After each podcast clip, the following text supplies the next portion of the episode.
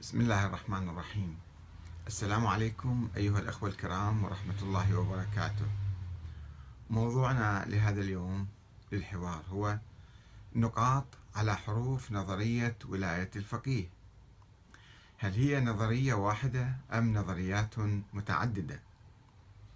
هل هي نظرية ثيوقراطية أم دستورية ديمقراطية شعبية؟ ولاية الفقيه الإيرانية هل تشمل العراق والعالم الإسلامي؟ بماذا تختلف عن المرجعية الدينية العابرة للحدود؟ هل يمكن أن يصبح مرجع عراقي أو عربي وليا للأمر في إيران؟ لماذا لا يشارك أي عالم غير إيراني في مجلس الخبراء الذي ينتخب القائد الولي الفقيه؟ ولاية الفقيه الإيراني هل تصطدم مع الحدود العراقية أم لا؟ وهل تتناقض مع الدستور العراقي؟ هل يوجد مرجع عراقي يؤمن بنظرية ولاية الفقيه؟ هل يوجد حزب عراقي إسلامي يؤمن بولاية الفقيه الإيرانية والتبعية لإيران؟ ماذا كان يعني الشهيد السيد محمد باكر الصدر رحمة الله عليه بقوله ذوبوا في الإمام الخميني كما ذاب في الإسلام وكيف يمكن ترجمة هذه الوصية اليوم؟ لماذا طرح الشهيد السيد محمد صادق الصدر نفسه كولي لأمر المسلمين في التسعينات وعلى أي أساس؟ هل يمكن توحيد العراق وإيران تحت راية نظرية ولاية الفقيه في دولة واحدة؟ هل يمكن توحيد العراق وإيران تحت راية الديمقراطية والأخوة الإسلامية والمساواة؟ في الحقيقة هذه مواضيع كثيرة وقد لا نستطيع آه، تغطيتها هذا اليوم كما تفضل بعض الأخوة بأنه آه، أسئلة كثيرة وكل سؤال هو يحتاج إلى وقفة وإلى يعني بحث آه، مفصل. ونحن نكتفي الآن بما تيسر إن شاء الله. نظرية ولاية الفقيه هي نظرية عقلائية. في مقابل نظرية حكومة الجاهل والفاسق والطاغية الذي قد يرث الحكم عن أبيه أو أخيه مثلا ويصبح ملكا أو يصبح رئيسا وهو لا يفقه من أمور الحياة شيئا كما حدث في التاريخ ويحدث في الوقت الحاضر أيضا. أو يأتي ضابط عسكري ليست له خبرة في السياسة ولا في إدارة المجتمع ولا في حل المشاكل فيقوم بانقلاب عسكري ويسيطر على السلطة. هل هذا يحق له الحكم؟ أم يجب أن يكون الحاكم فقيها خبيرا عادلا ملتزما بالقوانين ملتزما بالإسلام؟ فإذا نظرية ولاية الفقيه نظرية عقلائية يقول بها العقلاء في جميع العالم. حتى من غير المسلمين. ينتخبون عادة الرجل الكفؤ الذي الخبير الفقيه في مجالات الحياة لكي يدير البلاد ويحكم. طبعا الفقيه لا نعني بالفقيه الذي يدرس الحيض والاستحاضة والطهارة والنجاسة وما شابه أو حتى يكون فقيه في العبادات. كالفقهاء المتعارفين يعني منغلق على نفسه وعلى كتبه وعلى كذا ويسموه فقيه. هل هذا يحق له أن يحكم البلاد ويدير الأمة أم نعني الخبير الفقيه؟ يعني بصورة عامة فقيه يكون آه، يفقه الحياة أكثر ما يفقه المسائل البسيطة مثلا. نظرية المفترق قلنا أنها هل هي نظرية واحدة أم نظريات متعددة؟ في الحقيقة هي نظريات متعددة. المبدأ العام هذا شيء معقول ومقبول ولكن عندما نأتي إلى التفاصيل آه، هناك اختلاف. هناك من يقول أن الولي الفقيه سواء كان مرجع تقليد أو كان خبير قائد مثلا لا يشترط حتى أن يكون مرجع تقليد. آه، هذا الفقيه له ولاية من الله تعالى. وهو بالتالي يحق له أن يفرض نفسه وليا على الناس. إذا اعتقد أنه هو عالم أو هو أعلم الناس فيحق له أن آه، يحكم الناس بصورة قوية. هاي نسميها النظرية الثيوقراطية يعني التي تعتمد على نظريات مرتبطة بالسماء.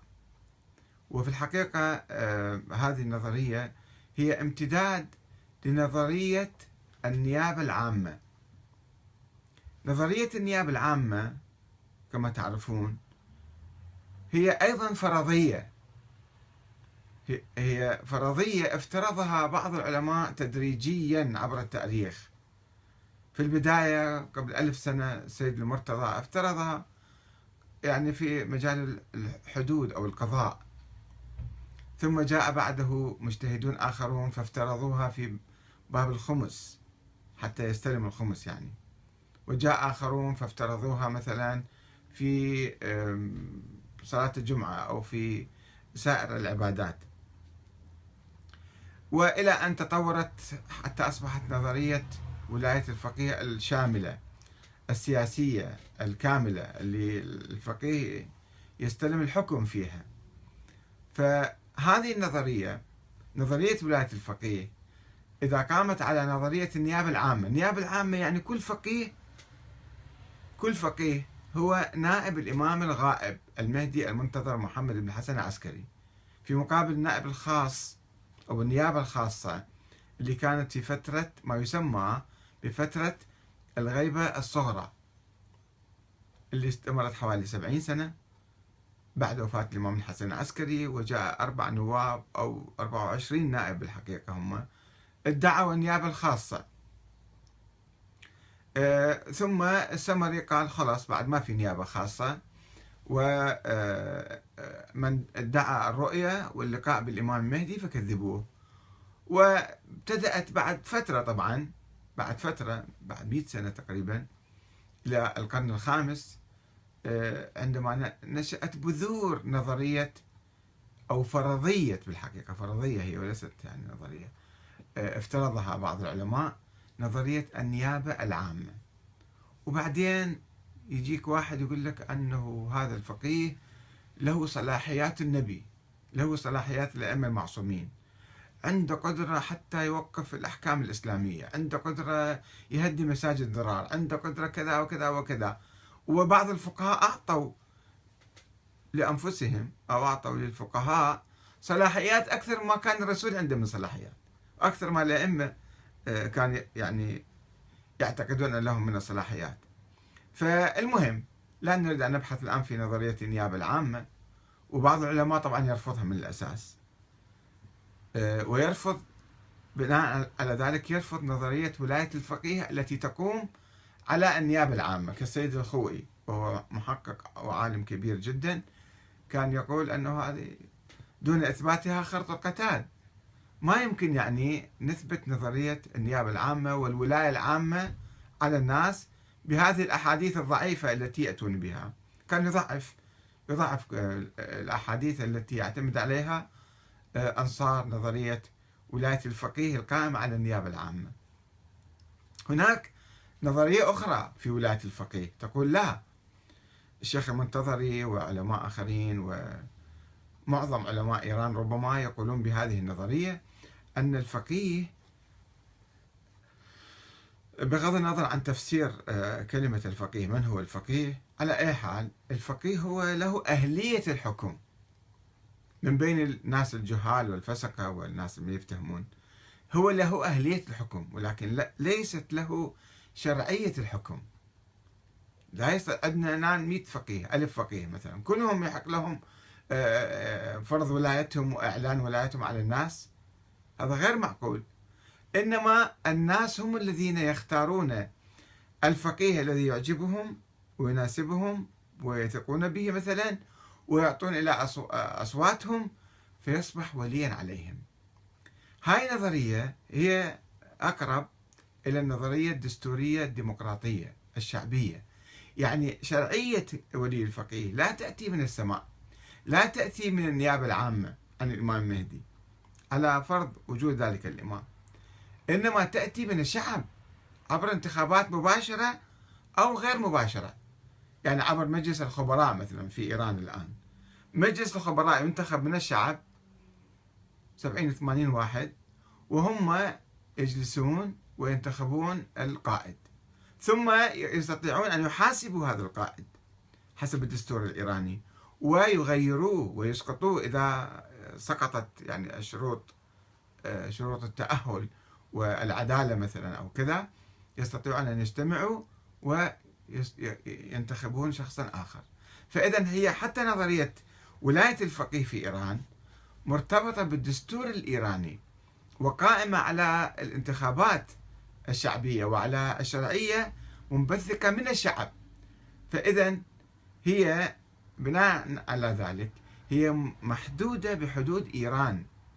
لا يمكن أن يكون الفقيه أو يأتي فقيه مثلا معين يقول لك أنا أصبحت ولي فقيه في إيران فإذا أنا أمد ولايتي إلى العراق وأفغانستان وتركيا وسوريا ولبنان والخليج وباكستان وكذا. لا لا يستطيع الفقيه لأنه لم ينتخب من قبل هذه الشعوب. الشعب الإيراني هو الذي انتخب الولي الفقيه انتخب القائد مثلا. فهو يحكم هذا الشعب ويحق له حكم هذا الشعب في حدود الدستور وحدود البلاد. فبعض الناس مثلا في العراق عندنا يخلطون بين المرجعية وبين ولاية الفقيه. المرجعية ليست لها حدود المرجعية سابقا كانت في الأمور الفقهية على فرض أن الفقيه يعني المرجع هو عنده شرعية دينية. هذه أيضا في قضية هي. أو عنده نيابة عامة مثلا. وهو مقلد. فإذا أي واحد قلده في أي مكان يجب أن يطيع هذا المرجع. والمرجع أصبح وليا للفقيه في هذا البلد أو ذاك. إذا فيجب أن نخضع له دينيا ونخضع له سياسيا ونخضع له أمنيا وعسكريا واقتصاديا وكذا وكذا. لا يا أخي. المرجع سابقا في حدود المسائل الفقهية تطورت هاي النظرية المرجعية وأصبح أنه مثلا مطاع. أما عندما آه، ينتقل المرجع إلى السياسة وإلى الحكم فهذه في مسائل معقدة كثيرا. في دساتير في البلاد في حدود مثلا آه، في مصالح. لا يمكن أن أن يخضع أي إنسان لأي آه، فقيه في أي بلد سياسيا وهو وشعبه لم ينتخبه. إذا يريد يسمع كلام ذلك الفقيه فليذهب إلى بلده إذا هو أصر على ذلك. أما أنه يطرح نظرية أنه أنا جالس في العراق مثلا وأتبع الولي الفقيه في باكستان أو في الهند. لا يمكن ذلك. أو الفقيه العراقي مثلا لو أصبح عندنا فقيه مثلا يؤمن بنظرية ولاية الفقيه لا يستطيع